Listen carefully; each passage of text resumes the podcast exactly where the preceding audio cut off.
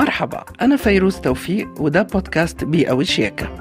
بنحاول ندور على حلول بسيطة لمساعدة البيئة في الشفاء من الآثار الجانبية لحياتنا الاستهلاكية.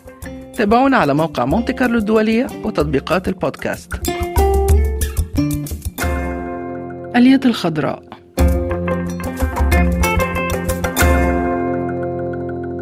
إن كنتم من سكان الريف أو بعيد عن زحام المدن الكبرى أكيد في مساحات خضراء كثيرة لكن أغلب أهل المدن يعانون من قلة الهواء النقي والظل.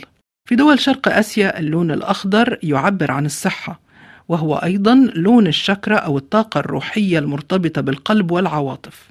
لذا في اهتمام كبير في دول مثل الهند والصين باستخدام طاقة هذا اللون في العلاج.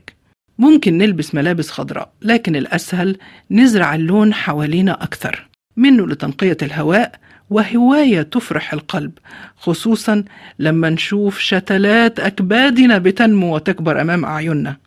سكان الشقق ممكن ينتقوا أشكال كثيرة من الزرع الداخلي سواء المزهر أو العطري وأصبح هناك وسائل عديدة للزراعة على الشرفات وعلى أسطح البنايات. وكل الزرع ممكن أن يتم ريه بمياه معاد تدويرها مثل مياه تم نقع أو غسل فيها الخضروات والفاكهة أو مياه الأمطار.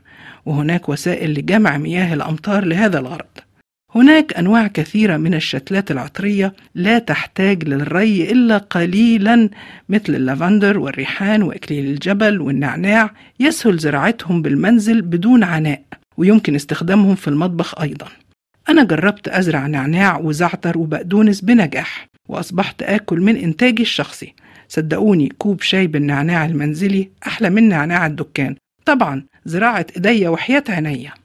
أما أصحاب المنازل بحديقة خاصة الفرصة أفضل لزراعة أشجار مثمرة ومظللة مثل أشجار التفاح والليمون والمندرين. ولا تحتاج سوى بذرة من أي ثمرة منهم. مع ملاحظة أن يتم اختيار موقع استراتيجي لزراعة أي شجرة. فبحسب خبراء الزراعة موقع الشجرة الصحيح يحل محل مكيف هواء يعمل على مدى 20 ساعة في اليوم ويخفف من الحرارة حول وداخل المنزل. أيضا لجعل الحرارة في محيط المنزل منخفضة في الصيف الحار يفضل استخدام الحصى في الممرات عوضا عن العشب المستهلك للمياه بدون إعطاء ظل أو ثمر. هنا لازم رعاية عدم الاستهلاك الخاطئ لمياه الري. على سبيل المثال لا داعي لاستخدام خرطوم ري لأن كمية كبيرة من المياه تهدر بلا فائدة. الأفضل استخدام الري بالتنقيط ودي وسيلة موفرة بالإضافة لجمع مياه الأمطار. أو إذا ما في مهرب من خرطوم الري التقليدي يجب التأكد أنه لا يوجد به ثقوب للتسريب أو تركيب دش خاص لرش الزرع. الزراعة تظل هواية على مدار العام واليد الخضراء دائما صحة وبركة لنا ولكوكبنا.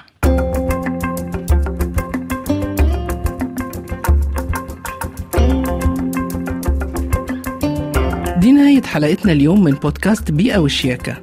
وأنا فيروز توفيق بحب أدعوكم للاستماع إلى البودكاست على موقع مونتي كارلو الدولية وعلى تطبيقاتنا الرقمية ومنصات البودكاست.